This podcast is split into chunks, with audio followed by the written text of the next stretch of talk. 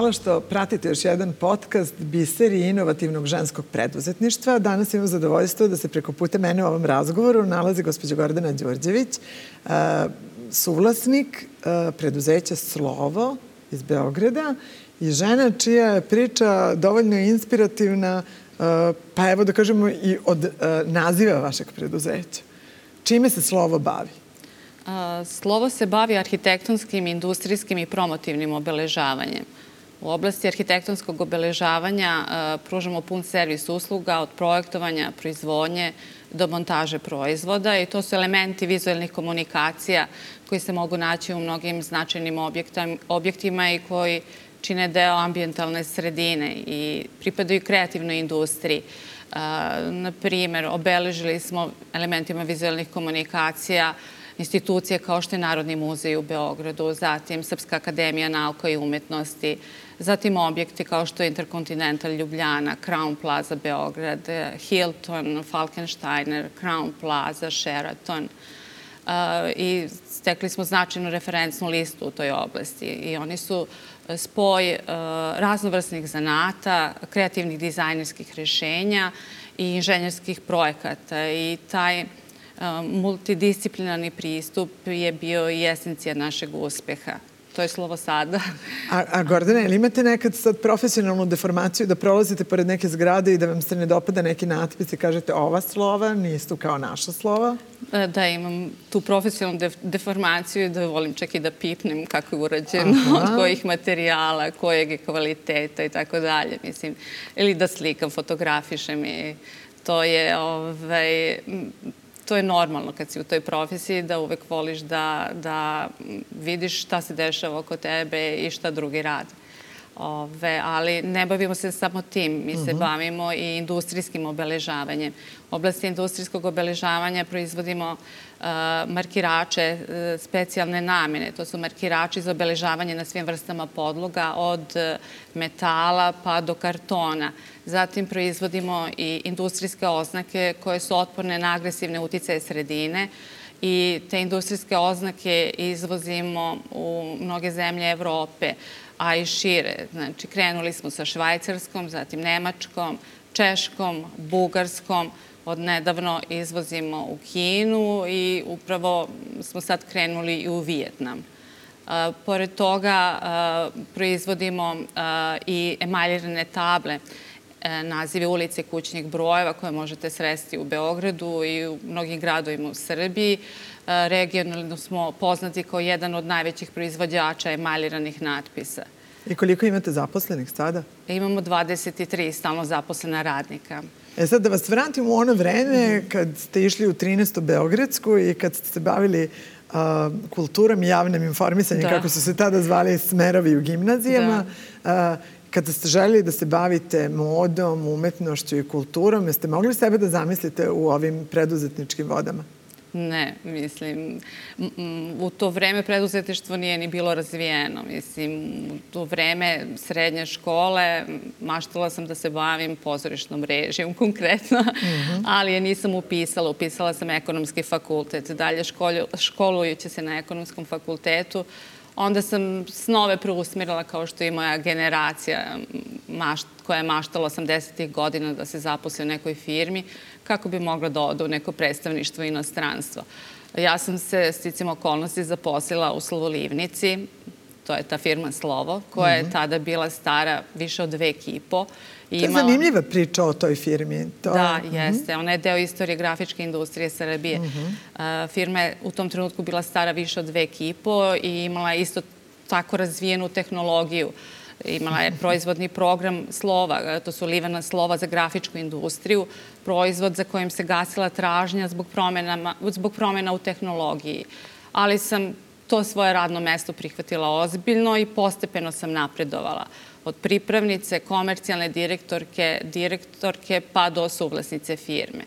A za to vreme firma je doživljavala intenzivne amplitude u svom razvoju od potpunog gubitka tražnje za proizvodima pa do ekspanzije na tržištu. Mm -hmm. prvi... A od čega je to zavisilo? Do prom od promjena u tehnologijama. Mm -hmm. Na primer, promena u gubitku tražnje za livenim slovima se desilo zato što su se desile digitalne tehnologije u grafičkoj delatnosti. Slova livena više nikom nisu bila potrebna. Tada se odlučujemo i prepravljamo mašine za livenje slova u mašine za livenje kalajne legure. Tako da sam u jednom trenutku bila direktorka uh, livnice kalajne legure koja je bila najveći proizvođač kalajne legure u Srbiji ali onda opet dolazi do promene u tehnologijama, pojavljaju se optički kablovi, tako da mm -hmm. se gasi tražnja i za kalajnom legurom. Tada odlučujemo da diversifikujemo našu proizvodnju u tri e, paralelna proizvodna toka kako bi amortizovali te udarce na tržištu. Treba da napomenem da sam suvlasnica i da sam sa kolegom Zoranom Filipovićem, kojeg želim da isteknem, prolazila kroz sve te turbulentne periode u razvoju preduzeća. E, I došli smo do slova sada, znači e, uveli smo nove tehnologije, tehnologije CNC gravure, zatim laserske gravure, digitalne štampe, sito štampe, uveli smo tehnologiju emailiranja u saradnji sa tehnološkim fakultetom, tako da slovo danas živi neki novi život. Uspeli smo i da izve, izvozimo naše proizvode ovaj, na tržišta koja sam već navela, tako da mogu reći da sam u ovom trenutku zadovoljna sa onim što se desilo u prethodnom periodu uz velike napore i uz veliki trud koji je bilo potrebno uložiti. Ali kažete, rekli ste malo pre uh, uh, da preusmerim svoje snove. Teško je preusmeravati ono što zapravo želite. Ali uh, ta generacija o, o kojoj govorimo uh, je generacija u kojoj je bio nekako podrazumevalo se da naši roditelji žele da radimo u nekim dobrim... U nekim sigurnim kućama. Sigurnim firmama, da. društvenim, u kojima da. će naša odgovornost se odnositi na naš deo posla, yes. ali ćemo biti sigurni da ćemo svakog dana dobijati platu. Da. Firma u kojoj ste se vi zaposlili nije baš kako se razvijalo pružala tu vrstu sigurnosti. Pa nisam, e, nije, e, to je bila film u kojoj sam se zaposlila sticajem okolnosti, počela tu da radim, ali sam shvatila da ta firma ima e, zanimljivu priču i kao što sve u životu shvatamo ozbiljno, shvatila sam i svoje radno mesto mm -hmm. ozbiljno. E, to je firma koja je osnovana 1831. godine. Knez Miloš Obrenović je osnovao slovolivnicu Slovo. Kada je odlučio da knjige štampu u Srbiji, kupio je mašine za livenje slova. Jedan od zaposlenih u Slovolivnici je bio i Anastas Jovanović, prvi srpski litograf i fotograf, lični fotograf kneza Mihajla Brenovića. Ovaj, I on je gravirao matrice za livenje slova za srpski, prvi srpski ćirilični bukvar. Mm -hmm. U firmi su se nalazile i mašine, još uvek se nalaze mašine ovaj, iz, iz tog perioda. Uh, one su za vreme Prvog svetskog rata, jer su bile strateškog značaja za državu Srbiju, zajedno sa vojskom se povlačile, čak bile zarobljene od bugarskih trupa i nakon rata vraćene Srbiji. E, sada smo neke od tih mašina poklonili Muzeju nauke i tehnike. Neke su korišćene za, za snimanje serije davno e, o Vuku Karadžiću, mhm. a neke su još uvek kod nas u našem posedu i pažljivo ih čuvamo i s ponosom. Htela sam da pitam, tačno to čime se bavite zapravo uh, i brine o nekom nasleđu, koje je jako važno normalno to daje veći osjećaj odgovornosti mhm. -huh. da firma koja ima takvu istoriju da zaslužuje posvećenost i da opstanku i daljem razvoju firme i mi uvek ističemo s ponosom njene korene. Jer e, firma je mogla doživeti tranziciju i kao što se desilo u mnogim firmama, te stare mašine su bile pretočene uh -huh. u mhm. neko gvožđe ili neke druge metale. Mi smo imali svest o značaju tih mašina i odmah smo kontaktirali Muzej nauke i tehnike i obavestili ih o tome šta se nalazi u našem posedu. Uh -huh, uh -huh. Ali ako govorimo o inovativnosti, to je zapravo, čini mi se, ključna reč kada je slovo u pitanju to je bilo nekakvo, da kažem, prestrojavanje u hodu. Kako se, e, ako se nešto brzo menjalo, menjalo se to uvođenje digitalne tehnologije i svega ostalog. Trebalo je zapravo snaći se i pronaći nove modele poslovanja. Pa uz stalno ispitivanje tržišta, šta je to što mi sa onim što sada posjedujemo možemo da radimo, šta je e, u, u, u preduzetništvu je veoma važno imati tu takozvanu moć predikcije. Mm -hmm. Nije samo biti bolji od konkurencije, važno je i, i predvideti neke buduće događaje, neke buduće tržišne tokove kako bi se na vreme reagovalo na promene koje će se desiti, kako nas te promene ne bih zatekle ili ako se problem pojavi, mislim, moramo biti, osim uključene logike, uključiti i kreativnost u celu tu priču i entuzijazam koji ne smemo da izgubimo kako bi te probleme pretvorili u neke šanse za neki novi razvoj. Verovatno vam nije jednostavno kad se predstavljate da uh, kažete čime se bavite, a da odmah shvate? Pa pokušavam da objasnim, da slikovito, šire, da, da, da, da pokušavam slikovito da objasnim. Ili, na primjer, kad su vaše da. deca išla u školu, dok su bili mali, kako su objašnjavali šta im je mama po zanimanju? Šta im je mama po zanimanju? Pa ekonomistkinje, uh mhm. -huh. odnosno ekonomiste, kako se tada govorilo. da. I preduzetnica? I, sad... I preduzetnica, mada o tome oni nisu e, na taj način razmišljali. Mislim da tome nisu pridavali takvu pažnju. Čerka e, mi je se škola, e, odnosno upravo je završila filozofski fakultet, uh mhm. -huh. završila je sociologiju i ovaj, sada planira da krene možda i pod mojim uticajem uh -huh. na, na ekonomski fakultet i, i tu će se školovati u oblasti marketinga. A sin, e, sin je obrazovanje svoje stice u oblasti IT tehnologije i odnedavno je odlučio da se posveti preduzetničkim vodama, Aha. izrazio želju da uđe u firmu i on je sad ta nova generacija od koje očekujem da će zavisiti taj, taj, taj treći vek postojanja slovolivnice slovo. Kako izgleda biti direktor svom sinu? Pa ponašam se prema njemu strože i, i oček, njega očekujem veću odgovornost u odnosu na druge zaposlene radnike. Aha, je se buni? Ne. Što se oče, od njega očekuje više nego od ostalih zaposlenih? Ne, ne, ne, ne, ne. Smatra da je to u redu. A kažite mi, u kom pravcu mislite da će ići slova? Šta su inovacije koje vidite, jer vas stalno može nešto da iznenađuje što će vas u hodu prebacivati na nešto novo. Ima li ideja inovativnih? Pa, kad govorimo o nekoj bliskoj i daljoj budućnosti slova, što se tiče bliske budućnosti slova, vidim dalju internacionalizaciju našeg poslovanja, uh mhm. -huh. jer smo u to, ka tom putu krenuli, a dalja budućnost je ipak zavisiti od tih novih generacija. Mislim, od njihove kreativnosti i posvećenosti firmi. Ipak i oni shvataju kontinuitet u koji su ušli da, da ga treba produžiti i da ga treba nastaviti. Obično preduzetnice koje govore ovde, govore zapravo o tome da njihova deca su uh, shvatila koliko je to ozbiljan i posvećen posao tako što su neprekidno videla koliko im majke rade i koliko zapravo tog posla unose u kuću jer stalno razgovaraju, nešto sređuju i tako dalje. Jeste od onih koji su unosili posao u kuću, su vaša deca prisustovala vašim pričama da, o poslu? Da, unosila sam posao u kuću, možda je to delovalo da moja čerka sada razmišlja o karijernoj opciji u nekoj velikoj korporaciji uh -huh. kao mhm. boljem rešenju nego ulazku u preduzetništvo. Ali je to s druge strane na mog sina delo drugačije. On je se poistovetio, odnosno pronašao je pronašao je neku lepotu u tom dinamičnom radu, mhm. -huh. to ga privlači i u toj mogućnosti da od da, da a, zavisi od sobstvenih odluka i, i od jednostavno želi da kroz izazove iskaže svoje sposobnosti svoje potencijale. Šta biste istakli kao trenutke kad je bilo najteže u preduzetničkom poslu? Najteži trenuci u preduzetničkom poslu jesu ti kada se gasi tražnja za osnovnim proizvodom i kada iznalazite način kuda dalje, šta mhm. sada, kojem tržištu i sa kojim proizvodima, kojom tehnologijom da, da, da se okrenete. Eto, to su najteži trenuci u životu firme. E sad, teškoće su naravno normalne na tom putu, nije sve uspeh. Ali je li nekad bilo, uh, uh, bilo toliko teško da ste pomišljali da izađete iz posla, iz preduzetničkog ne, posla? Ne, nisam ne. nikad. Mislim da, da svaki problem ima svoje rešenje i mislim da, da treba samo angažovati sve svoje potencijale i, i, i da će se to rešenje pronaći. Nisam nikada pomišljala da odustanem.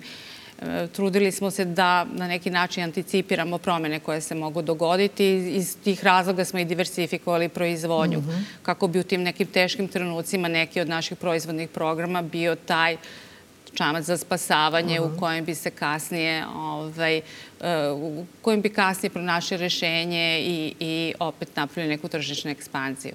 E sad, 15 godina ste članica Udruženja poslovnih žena Srbije. Da. E, tu ste verovatno slušali priče koje su nalik vašim. Šta znači za vas Udruženje poslovnih žena?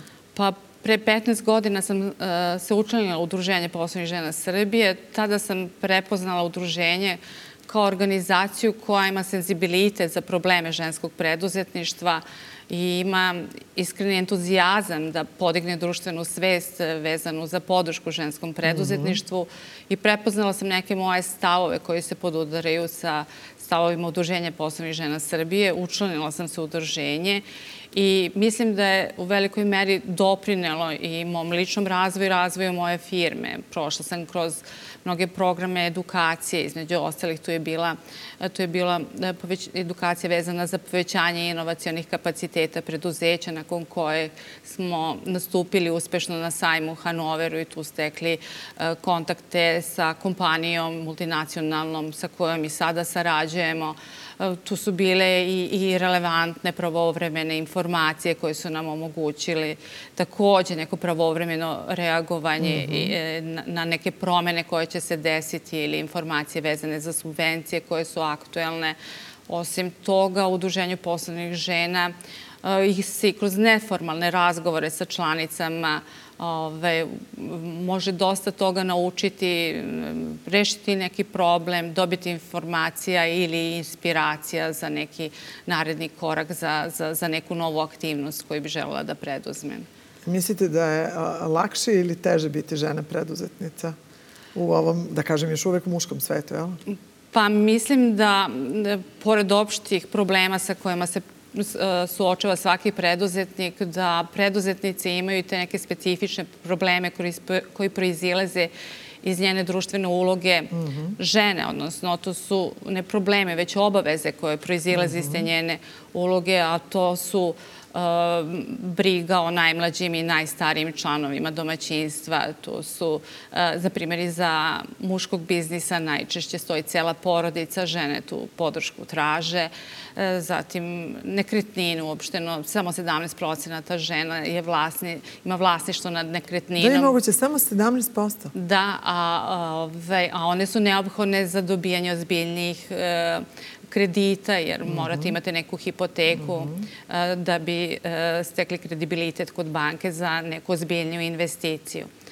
Tako da su na, to su neki razlozi koje, na koje je Udruženje poslovnih žena i ukazivalo i ovaj, podiglo društvenu svest vezanu za potrebu podrške ženskom preduzetništvu. Mm -hmm. Inače, kroz udruženje sam imala i priliku da neke svoje inicijative koje sam videla kao rešenje problema sa kojima sam se suočavala, e, iznesem i da to budu, da budu deo inicijativa našeg udruženja i da ih predstavimo donosiocima vlasti kako bi se poboljšali uslovi za razvoj ženskog preduzetništva. Na primer, to je bila jedna inicijativa vezana za veću vidljivost nabavki malih vrednosti, jer su do, do, do njihove pojave, odnosno do njihovog objavljivanja na portalu Uprave za javne nabavke bile teško vidljive. Mm -hmm. A zatim tu je inicijativa koja se odnosi na uh, društvenu odgovornost velikih kompanija, odnosno pružanju, uh, pružanju šanse ženskim firmama da uđu u njihov lanac snabdevanja, što je od velikog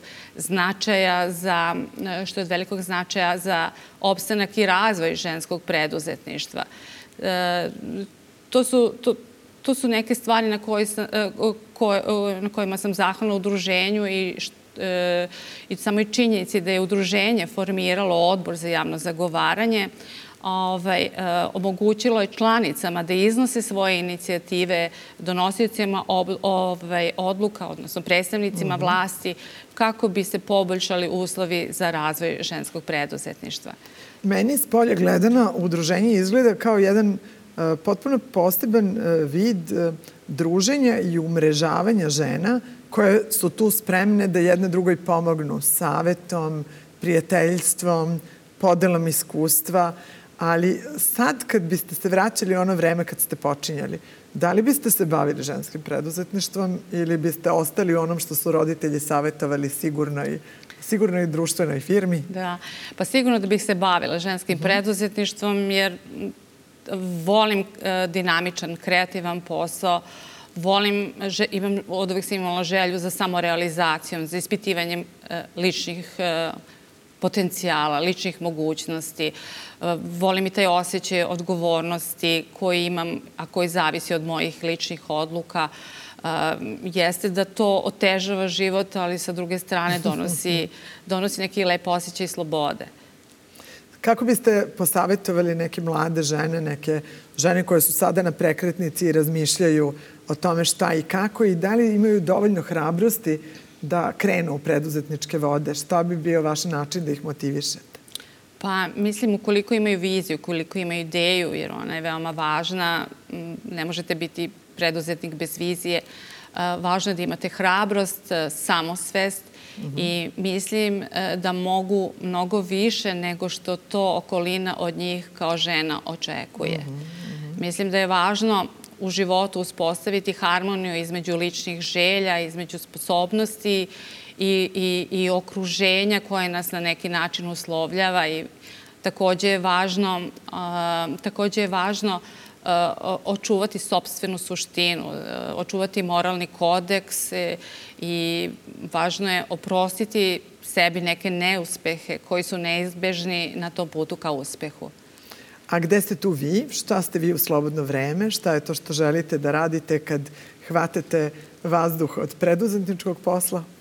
Pa to sam i ja ona iz srednje škole. Dobro, čime se da, bavite? Da, volim da čitam knjige. A, volim, Idete u pozorište ili volite pozorišnu režiju? Da, volim pozorište, e, čitam knjige, a, obvezno pred spavanje to dođe kao pilula za opuštanje mm -hmm. i onda da, da napuštate ovu geografsku širinu i dužinu i ulazite u vremensku mašinu. Ah. Tako da, ovaj, to su neke aktivnosti u kojima uživam i koje me opuštaju i koje mi pričinjavaju zadovoljstvo. E sad, u celom tom, celoj toj priči koju pričamo, koja ima nekako red koji govori o nekom ko je bio odličan đak sa svim peticama, ali tako? Da, Vukovac, da, Vukovac kako se to vidi da, odmah. Da, da. da. E, uvek su postojali nekakvi planovi i nekakav put kojim se išlo. A onda je recimo došlo kao veliko iznenađenje za sve na svetu ova pandemija koja se dogodila, koja je zapravo sve te planove uh, svakom skrenula i svako se snalazio u određenom trenutku na najbolji mogući način kad je posao u pitanju. Kako je pandemija koronavirusa uticala na slovo?